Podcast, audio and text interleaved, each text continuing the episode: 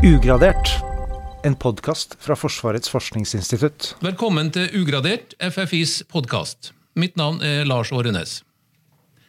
Vi nærmer oss det 59. amerikanske presidentvalget. Det finner sted 3. november. Valget vil avgjøre om det er sittende president Donald Trump som skal fortsette, eller om det blir utfordreren Joe Biden som skal lede verdens største militærmakt fra og med sin eventuelle edsavleggelse 20.1.2021.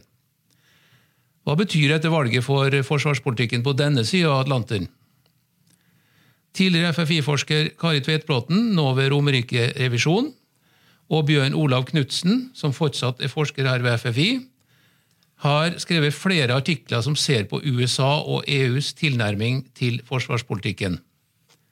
Den siste artikkelen bærer tittelen 'Hvorfor så ambivalent? USAs politikk overfor EUs forsvarsambisjoner'. Så spørsmålet til dere når det gjelder USA og EU, hva er status for forholdet mellom partene nå, på hver sin side av Atlanteren? Det vi kan si eh, som er status for forholdet mellom de to partene nå, det er at det er veldig avventende. Eh, alt står nå i bero i påvente av valget 3.11.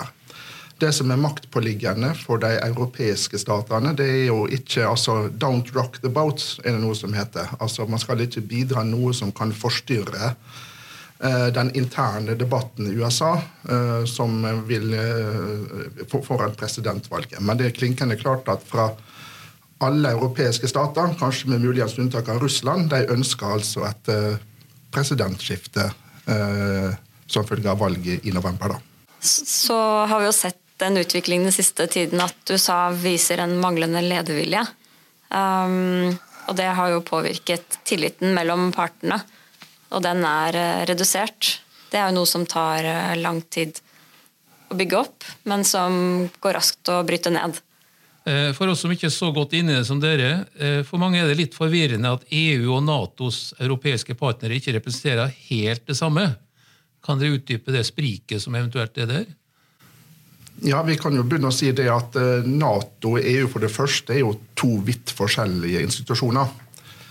Eh, med en veldig stor grad av sammenfall i eh, medlemstall. Altså Nato har jo per nå i dag 30 medlemmer. EU har 27. Det var 28, men så gikk jo Storbritannia ut 31.1 i år. Og Stor grad av sammenfall i medlemstall, men men eh, det viktige her det er at det er to vidt forskjellige situasjoner. EU en politisk og økonomisk union som er overnasjonalt organisert, basert på traktater, den siste fra 2009, den såkalte Lisboa-traktaten. Mens Nato er en organisasjon som ikke har overnasjonale trekk i det hele tatt. Eh, den er en rent det vi kan kalle en intergovernmental organisasjon, etablert i 1949 og som ble etablert for å sikre at USA ble en europeisk makt. Altså det var Bakgrunnen for Nato ble etablert det var altså et invitasjonselement i europeisk sikkerhet. at de europeiske statene ønska å involvere USA i, i, eh, i, Europa. Og Det er viktig for, for de europeiske statene nå. Eh, det er jo og sikre at USA fremdeles skal være en europeisk makt. Og Her har vi jo sett en utvikling de seneste åra der USA fokuserer mer på utviklingstrekk i Øst-Asia, eh, Kina, og eh, at Kina blir den store strategiske utfordreren for, for, for USA. Altså, det er et økende transatlantisk sprik. Eh, spesielt med hensyn til ulikheter i trusseloppfatning eh, over Atlanterhavet. Eh, vi er fortsatt under Nato-paraplyen. Vil vi som er under den paraplyen, oppleve at USAs forsvarspolitikk endrer seg dersom Biden blir valgt, eller vil Trump-linja føres videre ut fra det du nettopp sa? Det er jo et veldig godt spørsmål og vanskelig å si noe om. Um, men hvis vi skal gjette, så kan det nok tenkes at retorikken vil bli annerledes med Biden. Med at det vil bli større forutsigbarhet og stabilitet. Uh, når det gjelder uh, faktiske handlinger, så er det jo ikke sikkert at de vil endre seg så veldig. Nå har vi jo koronakrisen som pågår, og som også gjør at USA blir interessert i fortsatt vil være interessert i sin, sine interesser. Altså Hvis vi ser på perspektivene altså Europa USA, hva hva er etter deres syn det viktigste perspektivet i USA? Hvordan skiller det seg fra en europeisk synsvinkel? Altså Vi snakka jo mye om Asia og Kina, men er det andre ting også? Det har jo veldig mye med det som har med syn på internasjonal organisasjon og multilateralisme å gjøre. da. Og Vi har jo sett en utvikling de seneste åra som peker i eh, stikk motsatt eh, retning. Eh, for det første så har jo Som følge av koronakrisa så har jo USA trukket seg ut av Verdens helseorganisasjon, WHO. Fra tidligere så har de også trukket seg fra Iran-avtalen med hensyn til eh, å begrense Irans mulighet til å anskaffe seg kjernefysiske våpen, men heller bruke atomenergien til fredelig utnyttelse. Eh, så har vi også sett at de har trukket seg fra Parisavtalen om, om halvannen grads temperaturøkning, altså begrense klimagassutslipp. Og det går altså i stor grad på, på, slike ting som har med multilateralisme versus unilateralisme å gjøre. For det er det kjennetegnet vi har sett USA har ført. Den politikken de har ført, er altså en unilateral strategi, altså en ensidighet i politikken der de vektlegger nasjonale interesser, altså jf. det som Trump sitt slagord fra valgkampen i, i 2016, altså 'America first'. ikke sant? Mens man fra europeisk side da Um, og spesielt fra tysk side. Og det, og det som er interessant her, det er jo det bilaterale tysk-amerikanske forholdet. fordi at Tyskland kjører akkurat den motsatte strategien. Og Norge ligger jo veldig nært denne tyske strategien om multilateralisme.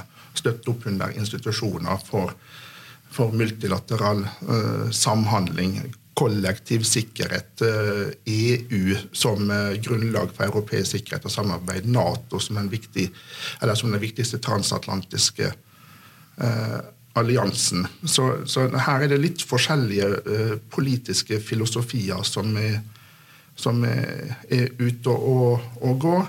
Og det er jo et vedvarende trekk da, ved amerikansk utenrikspolitikk ved siden av manglende ledervilje. Så er det også dette her med, med, med unilateralisme.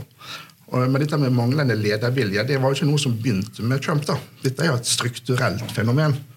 Vi så det allerede under uh, slutten av Bush 2-perioden, mot slutten av hans, etter katastrofen i Irak, men i aller høyeste grad under Obama-administrasjonen også. Hvis jeg bare kan få lov til å si to ord om Obama-administrasjonen. Dens tilnærming eh, var jo da å trekke USA ut av de krigene som Bush hadde ført landet inn i. Altså først Irak, og deretter eh, Afghanistan. Så, eh, så er, vi må ikke bare se oss blind på, på uh, de politikerne som til enhver tid besitter makta i Det hvite hus og i State Department og i, og i Pentagon og slike ting. Vi må også se på med lengre linje, strukturelle, bakenforliggende forhold, som er med på å bestemme innholdet i politikken. Og Det er også viktig når man skal vurdere uh, Biden sin politikk opp mot uh, Trump sin politikk, igjen for det som Kari nå nettopp sa. Hvis vi ser litt mer på, konkret på forsvar altså Dere skriver jo om noe som eh, mange ikke kjenner noe til, den europeiske forsvarspakken. Hva er det det går ut på? Eh, ja, altså Den europeiske forsvarspakken den ble jo til i 2016. I 2016 så, så Den daværende høyrepresentanten for EUs felles utenriks- og sikkerhetspolitikk, Federica Mogherini, hun har jo senere eh, gått av da, så, eh, så lanserte EU da et sånn Eh, strategisk utsyn, en strategisk visjon, et strategisk konsept. Eh, som la grunnlaget for at EU skulle utvikle en såkalt strategisk autonomi. Dvs. Si at EU skulle stå i større grad på egne bein også i utenriks- og sikkerhetspolitikken. Det betyr ikke at man skal hive barn ut med badevannet. altså Nato skal fremdeles være sentral og grunnlaget for europeisk sikkerhet, men om at EU må ta et større ansvar for egen sikkerhet. Og Det har vært flere sånne initiativ opp gjennom åra. Men det konkrete innholdet i denne der forsvarspakken er jo at uh, man etablerer et såkalt europeisk forsvarsfond. Uh, på opprinnelige forslaget fra kommisjonens side, altså Europakommisjonens side, var 13 milliard euro over sjuårsperioden 2021 til 2027. Men på bakgrunn av økonomisk krise, korona, så har den blitt betydelig uh, redusert nå ned til rundt 7 milliard euro over samme tidsperiode. Og I tillegg til det så etablerer man også noe som heter permanent strukturert samarbeid, eller PESCO. Og så er noe som heter CARD, Coordinated Annual Review on Defense. Forskjellen mellom de tre det er jo flere ting, men altså det henger sammen som en logisk enhet. da. Eh, fordi at det skal bidra til at europeerne skal samarbeide tettere om eh, både materiell eh, utvikling og forsvarsforskning. Men det skal også kunne, det skal også danne grunnlaget for at man skulle kunne, man skulle kunne lukke kapabilitetsbehov. Eh, det ligger altså innebakt i noe som heter Capability Development Plan. da. Det blir litt sånn, sånn teknisk, dette her. Men hele grunnlaget er at europeerne skal, skal, skal, skal, samarbeide tettere. fordi at det er bare gjennom samarbeid europeerne kan lukke de såkalte kapabilitetsmanglene i europeisk, i europeisk forsvar, som er kjempesvære. fordi at uten amerikansk bistand så vil ikke europeerne være i stand til å kunne gjennomføre militære operasjoner av noe omfang eh, alene. Eh, så, det, så det, er det, det, som er grunnlaget for den såkalte forsvarspakken. Og det, og det sikkerhetspolitiske grunnlaget for den forsvarspakken det var jo valget av Trump i 2016, men et annet element her, det er jo brexit. Altså folkeavstemninga 23.6.2016, da Storbritannia vedtok å tre ut av EU. Eh, veldig dramatisk beslutning. Det har aldri skjedd, for, skjedd før i europeisk eh, integrasjonspolitisk historie. Eh, Storbritannia er den nest største forsvarsmakten i Europa. Eh, og det, sånne ting fremtvinger en sånn, en sånn forsvarspakke. I tillegg til det så har vi Erdogan i Tyrkia, som uh, fører en politikk som er svært utfordrende for, for de europeiske allierte. Det siste var å anskaffe russiske S-400 luftforsvarsmissiler. Uh, som gjorde at de for også ble kasta ut av uh, F-35-programmet til amerikanerne.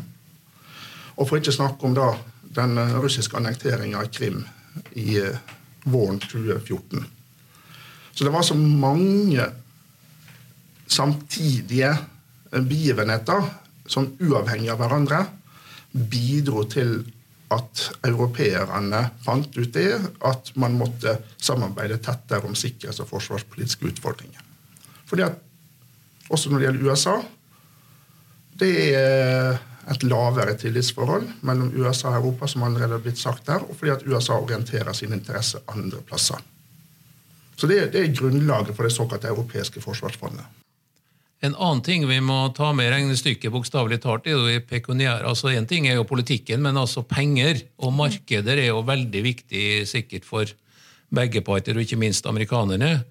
Eh, det er jo store forsvarsmarkeder vi snakker om, og i i mai i fjor så omtalte USA det europeiske forsvarsfondet da, som en giftpille, det er jo ganske sterke ord, fordi det fondet angivelig vil bidra til å begrense amerikansk forsvarsindustris tilgang til det europeiske forsvarsmarkedet. Eh, spørsmålet er er dette fondet giftig for amerikanerne? Amerikanerne hevder jo det, så vi kan jo ikke si at de tar helt feil. Eh, samtidig så er det jo viktig å påpeke at USA har en veldig stor og sterk forsvarsindustri med mange store bedrifter som, som europeerne er avhengige av. Sånn at å utelukke amerikanerne helt blir jo vanskelig. Um, nå har jo USA også et veldig lukket forsvarsmarked, hvor de også gjerne vil kjøpe primært amerikanske produkter. sånn at det er jo ikke fri flyt av forsvarsmateriell og tjenester på det internasjonale markedet uansett. At det kan bli vanskeligere for USA, det kan vi ikke si at det ikke vil bli. Eh, hvis europeerne klarer å nå formålet sitt med å styrke sin egen forsvarsindustri og forsvarsforskning. Men selv om det er si, beskytta markeder, så er det jo en sterk konkurranse om sikkert eh, ypperst innen teknologi og alt mulig. og Jeg vet ikke hvordan samarbeid kontra det å motarbeide hverandre virker på det feltet. Det er en sterk konkurranse på teknologi, men så har vi også andre mekanismer som internasjonalt materiellsamarbeid og gjenkjøp, som også er på forsvarsmarkedet. Hvor, da, hvor da enkelte nasjoner har et fortrinn ved valg av eh, underleveranse, f.eks. Vi kan si noen ord kanskje om teknologi og forsvarsforskning, som eh, er det som bl.a. FFI driver med. Det er kanskje også blitt et mer brennbart tema i den sammenhengen. Hvilken endring kan vi kanskje se her? Ja, altså det vi, det vi ser, det er at altså EU-kommisjonen, da, Europakommisjonen har jo all, mange år allerede snakket om at Europa må styrke sin såkalte europeiske forsvarsteknologiske industribase. Uh, og den har jo forvitra i veldig stor grad. Og, og det som skjedde i etterkant av finanskrisa i 2008, det var jo store kutt. Både i forsvarsbevilgninger, men også i bevilgninger til forsvarsforskning, som ligger til grunn for all kapabilitetsutvikling. Og det å bryte ut av denne negative spiralen. Og så skulle man også tro det at når, når bevilgningene går ned, så vil også insentiver til å samarbeide på tvers over landegrensene kunne øke. Men det skjedde jo ikke. Uh, uh, EU uh, har jo forsøkt flere ganger å altså, både kommisjonen, men også enkelte EU-formannskap, som f.eks. det belgiske EU-formannskapet i 2010, forsøkte å igangsette eh, det som vi allerede har omtalt som PESCO, da, allerede den gangen, fordi at det ligger nedfelt i Lisboa-traktaten. Men det skjedde ikke. I stedet fikk man eh, et, eh, Som resultat fikk man et, noe som svenskene og tyskerne tok initiativ til i 2011, som heter pooling and sharing. Eh, som ikke ble eh, Som fikk de store effektene som man i utgangspunktet eh, skulle kunne ønske. da. Så eh, Men nå ligger det altså punkt én penger på bordet. Eh, vi snakker om, også om lag 7 milliard euro over sjuårsperioden. Og det er jo noe helt nytt. Og Dessuten er det sånn at alle de vedtak som fattes når det gjelder f.eks. permanent strukturert samarbeid, eh, er jo nedfelt i eh, rådsbeslutninger. Dvs. Si at det får et legalt grunnlag som forplikter medlemsstatene i mye, eh, mye, større, i mye større grad. Jo, så er det jo interessant nå når vi ser statsbudsjettet i dag, da, så har vi jo lest at Norge har valgt å ikke delta i EDF. Sånn at når det gjelder norsk, hvordan Norge får tilgang til den forsvarsforskningen som da blir gjort i EU, er jo interessant å se framover. Det er jo veldig viktig det du sier nå, Kari. fordi at eh, det som har vært et mål for Norge, det ser vi også i stortingsmelding 9 eh, om nasjonal forsvarsindustriell strategi, at eh, man tilstreber at norsk industri og norsk forsvarsforskning har de samme rammebetingelsene som den øvrige europeiske industrien og forsvarsforskning. Mm. Og med det som ligger i statsbudsjettet nå, så bidrar jo regjeringa til det motsatte. Mm. Og det er jo eh, interessant og hvilke, hvilke, langsiktige konsekvenser det vil få for norsk eh, forsvarsindustri. For det er jo et nasjonalt mål å opprettholde en konkurransedyktig norsk forsvarsindustri som skal konkurrere på det internasjonale markedet. Hva slags sum er det snakk om her som da ikke er budsjettert? Som var kanskje forventa? Ja, altså, det totale forsvarsfondet er på eh, rundt 7 milliard eh, euro. Men det norske bidraget? Ja, altså Det har vært forskjellige tall oppe, oppe her. Eh, et tall som jeg så for en god stund tilbake siden, var rundt 400 millioner eh, kroner på årlig basis. da Det var snakk om ca. 2,8 milliard kroner totalt sett over hele sjuårsperioden. Eh, så det var, det, det var, rundt det beløpet der det var snakk om. Eh, det var, det var snakk om da. Dette er altså overraskende? Altså, dette er jo politikk, og politikere må jo kunne snu på femøringen. Sånn sagt. Eh, Så, men hvis man leser de dokumentene som har vært eh, skrevet og blitt behandla i Stortinget tidligere, eh, sammenholdt med de ambisjonene regjeringa på det deklaratoriske planet har lagt til grunn, så jeg vil jeg si at dette her er overraskende. Jeg vet ikke hva du sier, Kari? Jo, jeg ble også overraska. Eh, særlig også med tanke på de intervjuene vi gjorde i, for en stund siden med representanter fra norske myndigheter, hvor de var veldig tydelige på at norsk deltakelse i EDF er avgjørende for at vi skal kunne være del av um, det som foregår på EU, og få tilgang til det europeiske markedet framover. Um, så, sånn sett så bryter jo den politiske beslutningen om å ikke delta totalt med det vi så fra myndighetenes side. Vil dette få en langtidsvirkning? Altså Er det sånn at da er det strøket for mange år framover? Eller er det, dette kan bli forhandlinger om, selvfølgelig. Det er jo et budsjett, det er bare en plan. Ja, Dette er jo en proposisjon fra regjeringa, så skal jo den behandles på sedvanlig måte i Stortinget. og Budsjettet skal vedtas endelig i desember. Så Stortinget er jo selvfølgelig fritt til å endre det forslaget som kommer fra regjeringa nå. Det avhenger jo litt av forhandlingssituasjonen i Stortinget. da. Men uh, vi får bare ta utgangspunkt i det som allerede står i budsjettet, og så får vi se hvordan uh, det blir til slutt når det er saldert sånn uh, nærmere juletider. Alt er jo politikk. I et intervju i siste nummer av Norges forsvar så spår USA-kjenneren Jan Arild Snoen at en valgseier til Trump tilsier at USA i liten grad vil legge opp til å øke samarbeidet med Nato, og at alliansen kan bli et skall på sikt. Et Europa på egne forsvarsbein, hvordan kan det arte seg? Ja, er, Jeg kjenner godt til han Jan Arild Snoen. Han har skrevet ei, ei eh, god bok som han kaller for Trump-sjokket. Uh, og han har jo mye rett til det han uh, sier. Altså, jeg er helt på linje med han. Jeg vil kanskje gå litt lenger enn det han sier, altså, fordi at Nato allerede er i ferd med å bli et uh, skall, som han sier.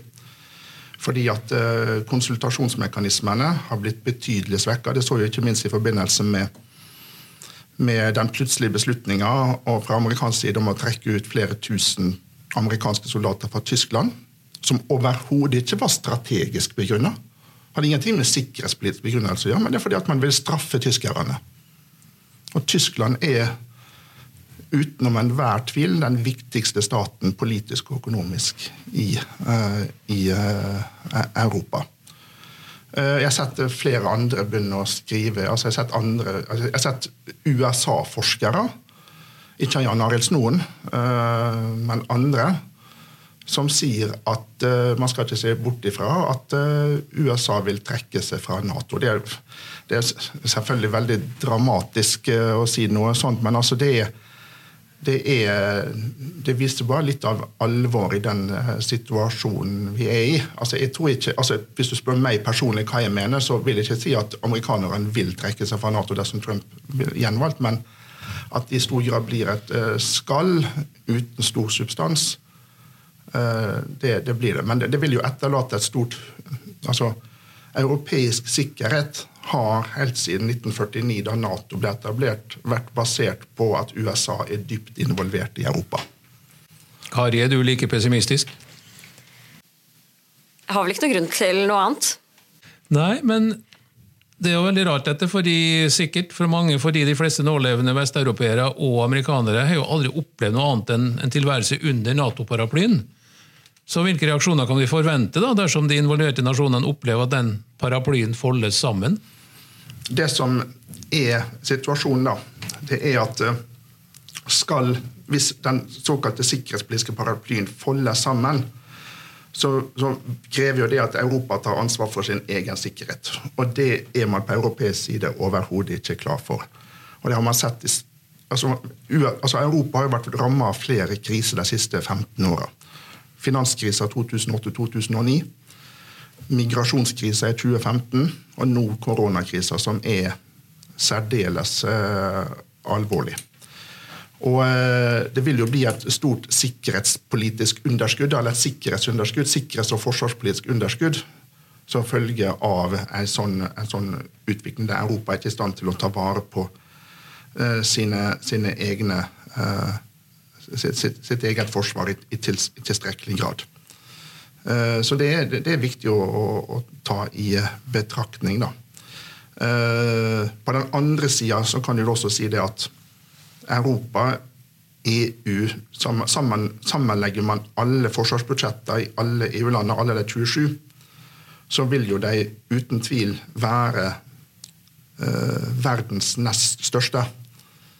Uh, så det er jo også viktig å, å, å ta, i, ta, i, betraktning. Men problemet for europeisk side er at man ikke har vært flinke nok til å samarbeide seg imellom, fordi at forsvars- og sikkerhetspolitikken har vært intergovernmentalt, uh, som man gjerne sier, altså vært et mellomstatlig foretakende uten noe som en slags innblanding fra Eh, fra eh, kommisjonen og de overnasjonale aktørenes side i det, i det, hele tatt. Og Det har jo også en sånn økonomisk dimensjon også. Vi har sett over lang tid at um, de europeiske medlemsstatene så har det vært um, litt proteksjonisme og favorisering av egne forsvarsindustrier. Um, og det er jo noe vi også har sett i resultatet av i form av at EU EUs medlemsstater, hvor det har vært veldig mange ulike våpensystemer og en stor spredning. Så det krever jo et veldig stort samarbeid fra Europa dersom de skal kunne faktisk klare å stå på egne forsvarsbein. Da må det være sånn at enkelte nasjoner må kunne gi for at man skulle kunne få et såpass integrert Europa som det krever. Eh, så har vi også andre land utenfor EU og USA, hvor vi har Russland som er nærme som også Det blir spennende å se hvordan kan reagere hvis uh, vi står i en sånn situasjon. Hvis vi ser på forsvarssektoren på hver sin side av Atlanteren, vil de bevare tilliten til hverandre de neste tiåra, eller er det en forvitring som kommer til å skje? Kan vi være positive, eller må vi bare tenke worst case scenario? Det er jo litt sånn at uh, altså Hvis Biden blir valgt, da, så vil jo, så vil jo retorikken på den ene sida bli noe ganske annerledes, og det vil være mye lettere for europeerne for å, å forholde seg til en presidentadministrasjon under en president Joe Biden. Det er jo klinkende eh, klart. Jeg tror tillitsforholdet vil være der under en sånn administrasjon, men det vi må huske på, det er at eh, det, er at det er visse sånn strukturelle endringsprosesser som nå pågår, som er uavhengig av hvem som er president i USA. Og fordi at USA, Demokratene og republikanerne er samstemte om at det er, at det er Kina som er den store geostrategiske utfordreren til USA. Og USA forflytter oppmerksomheten mot Asia. Og det innebærer automatisk at Europa må ta et større ansvar for egen eh, sikkerhet. Og i større grad må håndtere f.eks. Eh, Russland-utfordringer på, på eh, egne bein, selv om artikkel 5 i Nato eh, ligger fast. Men også Joe Biden vil kreve eh, at Europa bevilger mer penger til forsvar, jf. det som Nato fatta på toppmøtet sitt i Wales i september 2014 det såkalte 2 %-målet. Altså 2% av forsvar, BNP til forsvar og minst 20% av forsvarsbudsjettet til forsvarsinvesteringer. USA og EUs forsvarspolitikk beveger seg fra hverandre. Vi har kartlagt litt av den ambivalensen som foreligger, og vi er veldig spent på hvordan det går med det amerikanske valget. Selv om eh, Bjørn Olav Knutsen sier at det ikke har all verdens betydning, så har det sikkert litt betydning. Så avsluttende spørsmål til Kari Tvedtbråten. Hva tror du? Hvem vinner valget i USA? Det tør jeg ikke å si. Eh, jeg har tatt feil før, så alle, ja. Veldig mange har tatt feil før. så jeg er litt mer forsiktig nå med å være for tydelig på hva jeg tror og ikke. De store spørsmålene om forsvarspolitikk vil iallfall fortsette å leve, så velkommen tilbake om et år, så snakker vi mer om dette. Takk for det. Takk.